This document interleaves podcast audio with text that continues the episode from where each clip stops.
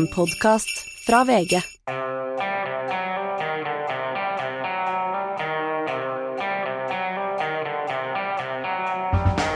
Ikke visste jeg at alle disse dagene som kom og gikk, de var selve uke 52. Den siste uka og øh, den siste podkasten fra Giæver og gjengen øh, dette året, Hanne. Ja, og for et år. For et år, ja. Og det har vi snakka mye om, og, og, og liksom, ja.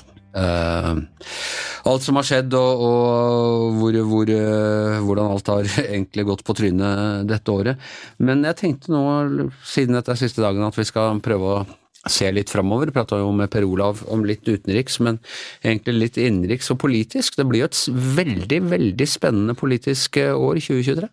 Ja, det blir et uvanlig spennende kommunevalg i, til høsten. For jeg må alltid si at dere må alltid dytte litt på meg for å få meg interessert i eh, kommunevalgene hvert år, men eh, i år blir det mer enn vanlig spennende. Ja, for det gøyeste er jo alltid stortingsvalget. Da står det om regjering, om Stortinget, hvem skal ha flertall, hvem skal være statsminister i Norge, hvem skal styre landet. Mens kommunepolitikken er litt mer sånn hva skal si, grå hverdagspolitikk med, ofte ukjente størrelser utenfor sin egen kommune som velges. Men det er jo veldig, veldig viktig. Vi må huske at det er i kommunene det aller meste som angår livene våre vedtas og bestemmes. Barnehage, sykehjem, skole.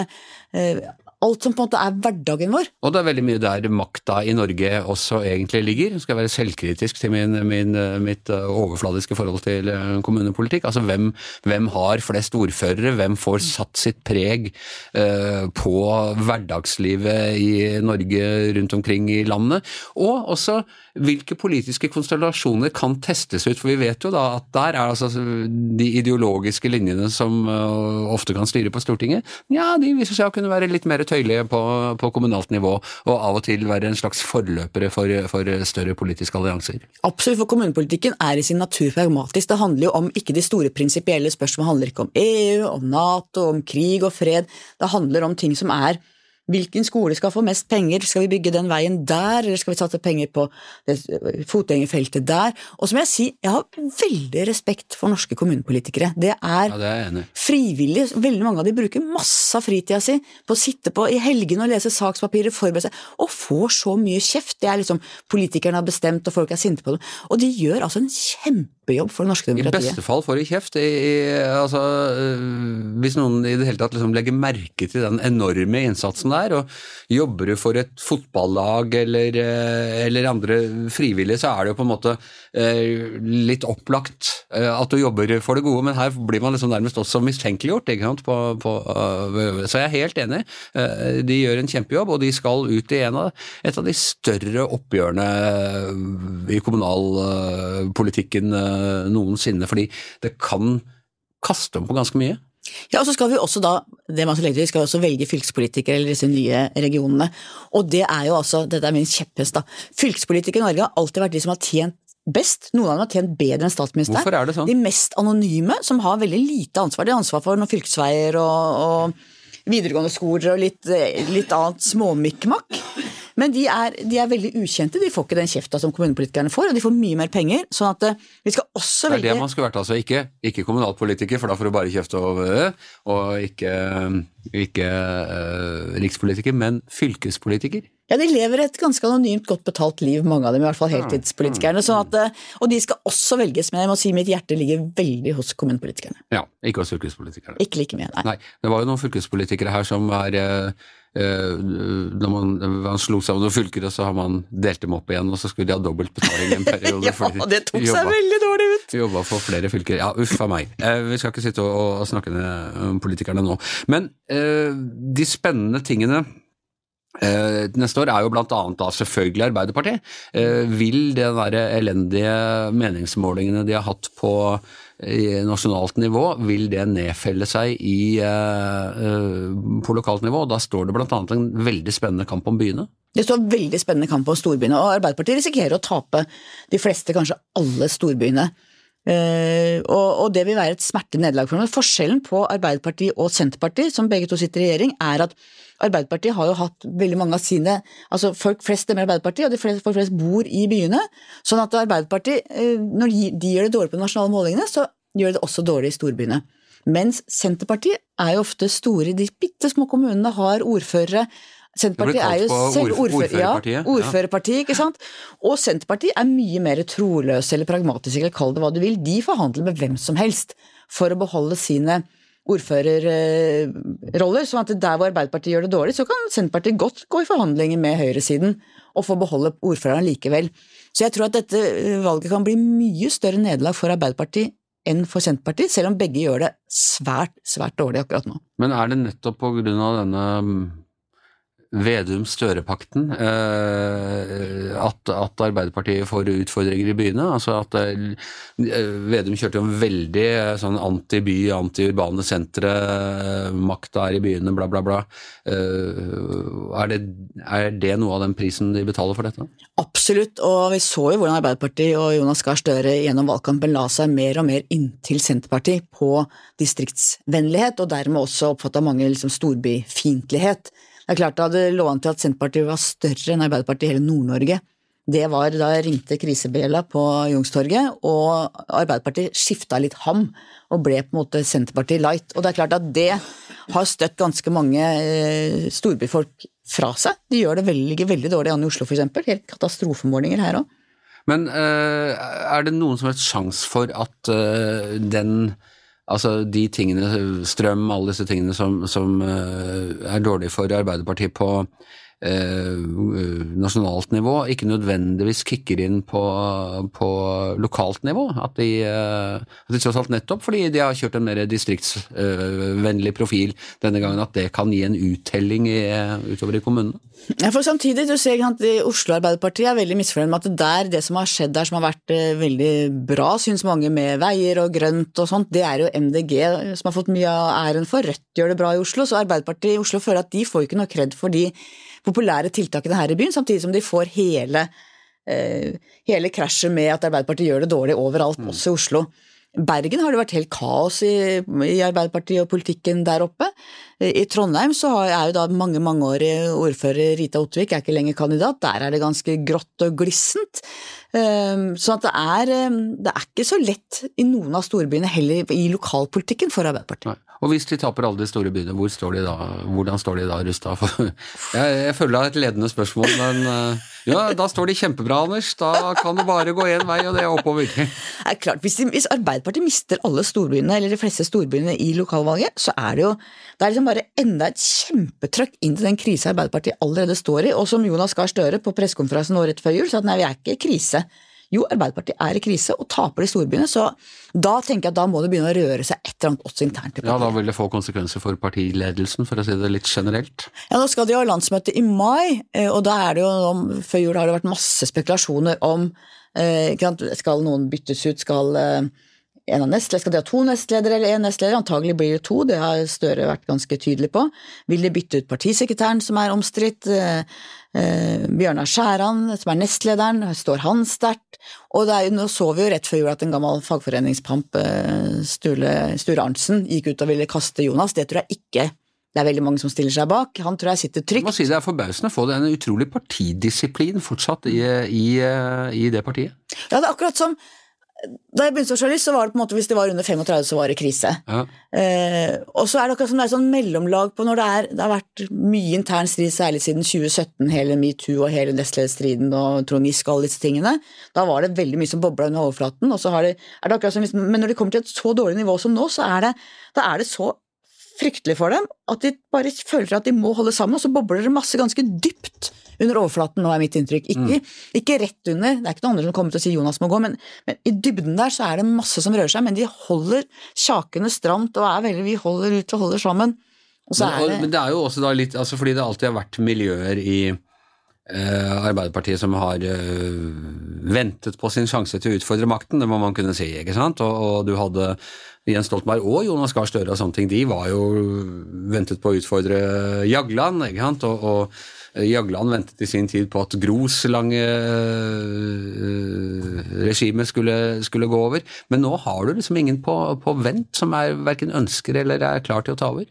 nei, og du ser jo Hadia Tajik posisjonerer seg jo nå veldig for å komme tilbake i nestlederrollen. Ja. Eh, mange ønsker seg Tonje Brenna inn i nestlederrollen, så du ser en slags sånn begynnende, som jeg er veldig spent på om på en måte kommer til å utspille seg, eller om dette skjer i de veldig veldig lukkede rom fordi ingen vil ha en maktkamp opp til overflaten, men der ligger det et eller annet. Men det er Er det, er det miljøer eller nettverk rundt dem eh, som liksom øh, vil være Så vi vet jo Gro ble jo eh, ble jo på en måte statsminister ved et slags sånn uh, palassrevolusjon eh, innad, i, innad i partiet. Er det, eh, har Hadia eller Tonje Brenna et sånt miljø rundt seg?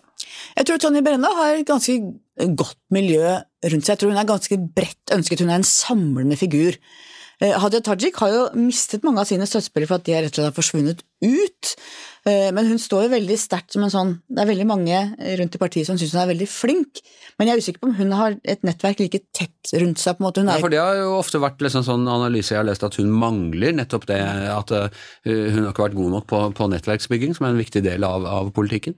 Ja, hun har jo aldri vært spesielt god på det, og så etter hele nestlederstriden og hele runden i 2017, så fikk jo hun plutselig et annet nytt nettverk rundt seg, men mange av de har forsvunnet ut. Marianne Martinsen, Jette Christensen. Eh, Så, så hvor tette de som er liksom innerst i partiet eh, eh, er rundt henne, det er mer usikkert. Ja. Ok, hva med, hva med Høyre? Blir det det nye ordførerpartiet? De svulmer jo nå, og er altså mer enn dobbelt så store som Arbeiderpartiet. Ja, det er interessant, for Høyre har jo akkurat den samme politikken i det som er det vanskeligste, nemlig strøm.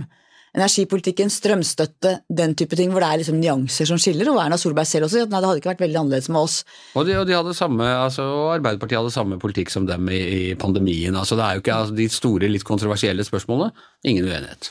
Nei, men det er klart at Både det at eh, Støre selv ikke på en måte har klart å bygge autoritet eh, inn i folket som statsminister, så folk blir litt sånn nostalgiske rundt Erna som styrte Norge trygt gjennom pandemien osv., pluss at de kan sitte helt stille i båten og være det ansvarlige alternativet til en regjering som blir veldig upopulær, også selvfølgelig mest av alt fordi det er på lommeboka til folk nå. Det er høyere rente, høyere matpriser, høyere strømpriser, som vil ramme en regjering. sånn at Jeg tror nok at eh, Høyre føles som et trygt alternativ for altså, ansvarlige nordmenn i midten som er misfornøyd. Det er litt den samme strategien som Joe Biden kjørte for, eh, for eh, to år siden. Altså, Trump kåla det så fælt til med, med den pandemien at han satt egentlig bare nede i kjellerstua si ute i, i Wilmington der med, med, med munnbindet sitt og, og, og steg og steg. Men Det funka, det. det, det funka bra, men jeg er bare usikker på om Høyre her, om dette oversetter til eh, kommunalt, eh, kommunalt nivå. At man eh, Ja, for Høyre har jo ikke veldig sterke kandidater rundt i byene, og vi ser nå det fullt kaos i Oslo Høyre. Før jul kom det fram at det har vært varsler mot sjefsekretæren i Oslo Høyre, enorm misnøye. Ledelsen der har prøvd å rydde opp, også fått misnøye mot seg fra de ansatte. Det er et Oslo Høyre som ni måneder før valget er i virker er i full oppløsning, administrativt i hvert fall, og mye strid og kaos. Eh, Og de har jo ikke veldig sterke kandidater av de andre storbyene heller. Eh, Samtidig som de ligger veldig høyt på den nasjonale målingen, så det er det store spørsmålet om de klarer å veksle inn Erna Solbergs popularitet også i lokalvalget. Ja, det blir nærsynt kanskje, men jeg er veldig spent på hva som skjer akkurat her i Oslo, hvor, hvor Raymond Johansen har vært en ganske populær og ganske flink eh, eh, byrådsleder til å, til å holde en eh, det mange har sett som en mulig ny koalisjon for, for eh, eh, på nasjonalt nivå også eh, samlet. Eh, Samtidig så er jo Oslo har jo tradisjonelt vært en uh, høyreby og høyreordfører så lenge jeg vokste opp, liksom. Men tenk på hvor utrolig dårlig Frp har gjort i Oslo de siste årene. Helt elendig. Og da hadde vi et ganske interessant nominasjonsmøte i Oslo Frp, hvor det var på en måte de gamle, klassiske Oslo-folka som sto mot fornyelsen, og fornyelsen vant. Ja. Hvor de øverste på plassen der er unge, ganske moderne folk. Og så er spørsmålet om måte velgerne får med seg det.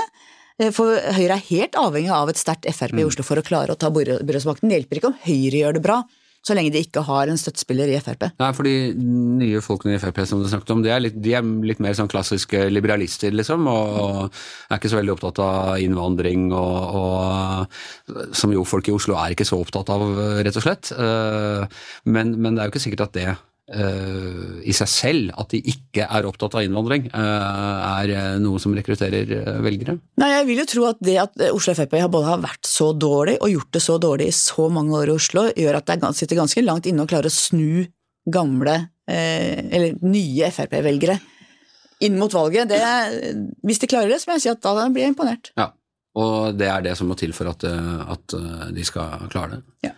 Så Senterpartiet, nei, Senterpartiet, øh, øh, SV og Rødt har, er liksom tidens melodi. Eh, De har overtatt veldig mange av velgerne til Arbeiderpartiet. Det er altså utrolig nok SV er større enn noensinne, og i tillegg har de fått et nesten like stort øh, hva skal vi si, søsterparti øh, i Rødt.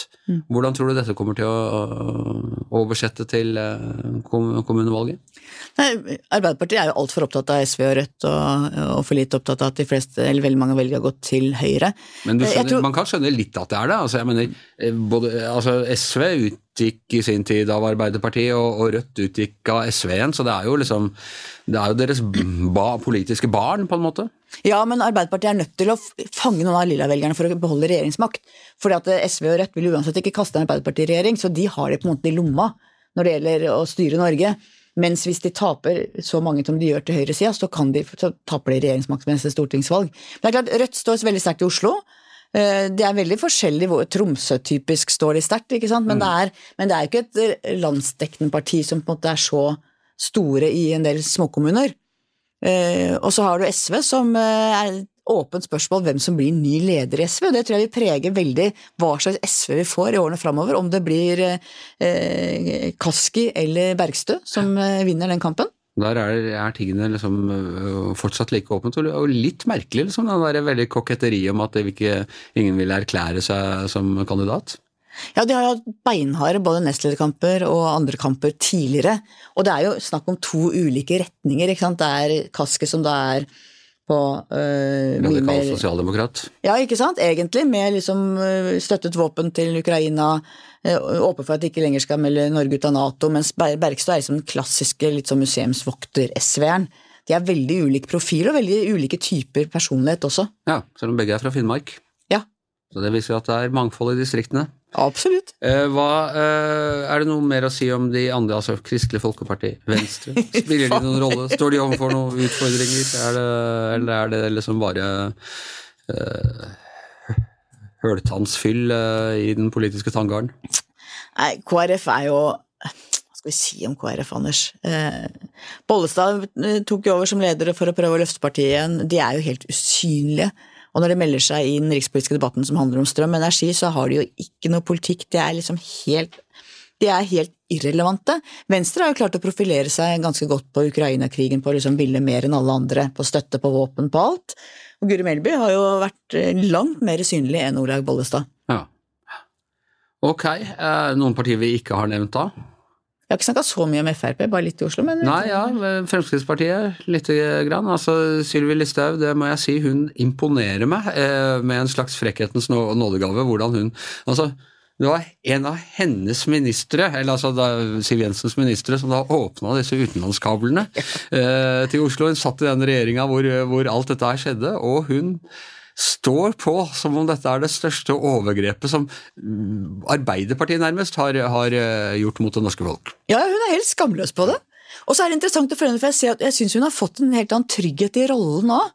At hun er eh, Og hun er en helt annerledes enn alle de andre partilederne. Ja, ja, og er jo kjempeflink til Ja, ja, å være veldig tydelig, og, og helt sånn uredd i, sitt, uh, i sine type angrep. Men jeg er enig med deg, altså hun har jo på en måte tona ned det der som av og til kunne bli litt sånn usympatisk eller, eh, eller et eller annet sånt. Hun er veldig sånn trygg i hva som er politisk legitim uh, retorikk, og så er hun altså uh, ikke redd for å Og det er jo ofte politikeres eh, liksom, største akilleshæl, er deres egne gamle uttalelser eller, eller mm. sånne ting, men det er ikke hun noe, noe redd for. Jeg tror hun er veldig opptatt av å øh, få velgere og bli likt av velgerne, og så tror jeg hun gir helt blaffen i hva alle andre mener. Ja. Og jeg lurer på For eksempel hva vi måtte mene. Det Ja, er ja, helt, ganske helt. Og hun er, ikke sant, Jeg har jo kritisert henne masse i det jeg skriver, men hun er alltid innmari hyggelig. Altså Hun er en hyggelig dame. Ja, proff. eh, Proff. Og jeg tror hun gir litt blaffen i hva vi skriver. Også, Ja, det tror jeg også. Eller, hun vet, og det var jo samme med Carl I. Hagen i sin ting, hun visste jo veldig godt at uh, kritikk fra, fra mediene, det var ikke negativt uh, for ham. Det, var, det styrket denne uh, dette liksom fortellingen om at Fremskrittspartiet sto aleine og, og ikke fikk noe drahjelp, mens alle de andre var liksom ble heiet frem av, av journalistene. Ja, og så lurer jeg på av og til om hun tror på det hun sier, for eksempel dette med makspris 50 øre og staten skal betale resten. Alle skjønner jo da at da blir det brukt mye mer strøm, og når problemet også er forsyningssikkerhet, at vi risikerer rasjonering, at det ikke er strøm, så er det liksom, tenker jeg, hun må jo skjønne det. Taler hun bare mot bedre vitende? Det skal jo bli Det, er noe av det jeg virkelig lurer på. Altså, hun har vært ganske flink til liksom, De gikk i opposisjon, de sleit en stund eh, etter det. Hun har funnet formen og, og posisjonert partiet ganske bra. Men hva er neste skritt? Mm. Er det en sånn behagelig opposisjonstilværelse hvor du alltid er smartere enn de som uh, sitter med makta fordi, fordi, du ikke er bundet av noe som helst? Eller vil hun inn i regjeringen uh, med Erna, tror du, eller med Høyre? Altså det var jo, hun, jeg tror aldri hun har vært spesielt opptatt av å sitte i regjering. egentlig. Det er forskjellen på hun og Siv Jensen. Siv Jensen likte veldig godt å være på innsiden, være med å styre til ansvar. Hun var en veldig god finansminister. Sylvi Listhaug tror jeg er litt sånn som Carl Hagen liker litt å være på utsiden og være litt utenfor eliten. Men kan, hun, kan, kan, det være en strategi? Altså, dette med å søke makt og sånne ting, er ikke det uh, selve liksom grunnstoffet i all politikk?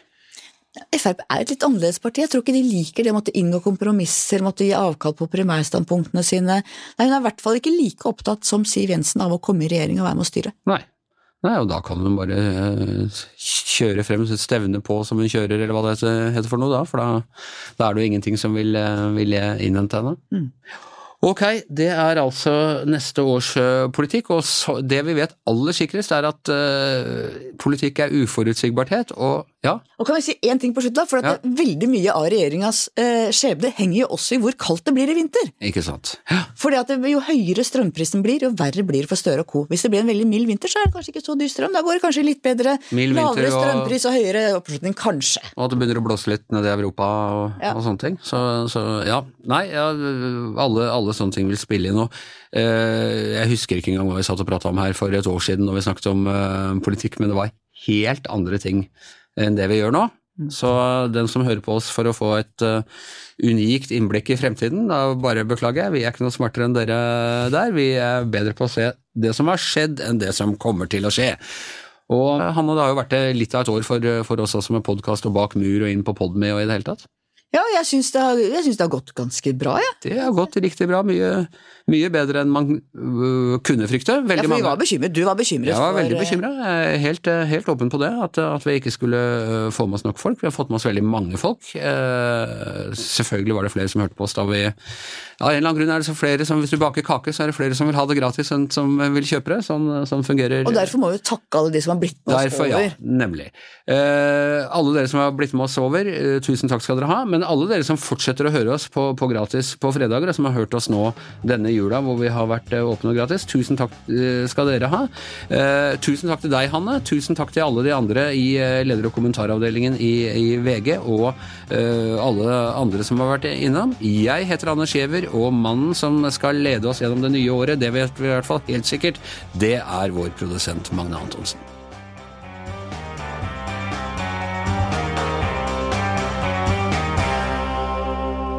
Du har hørt en podkast fra VG.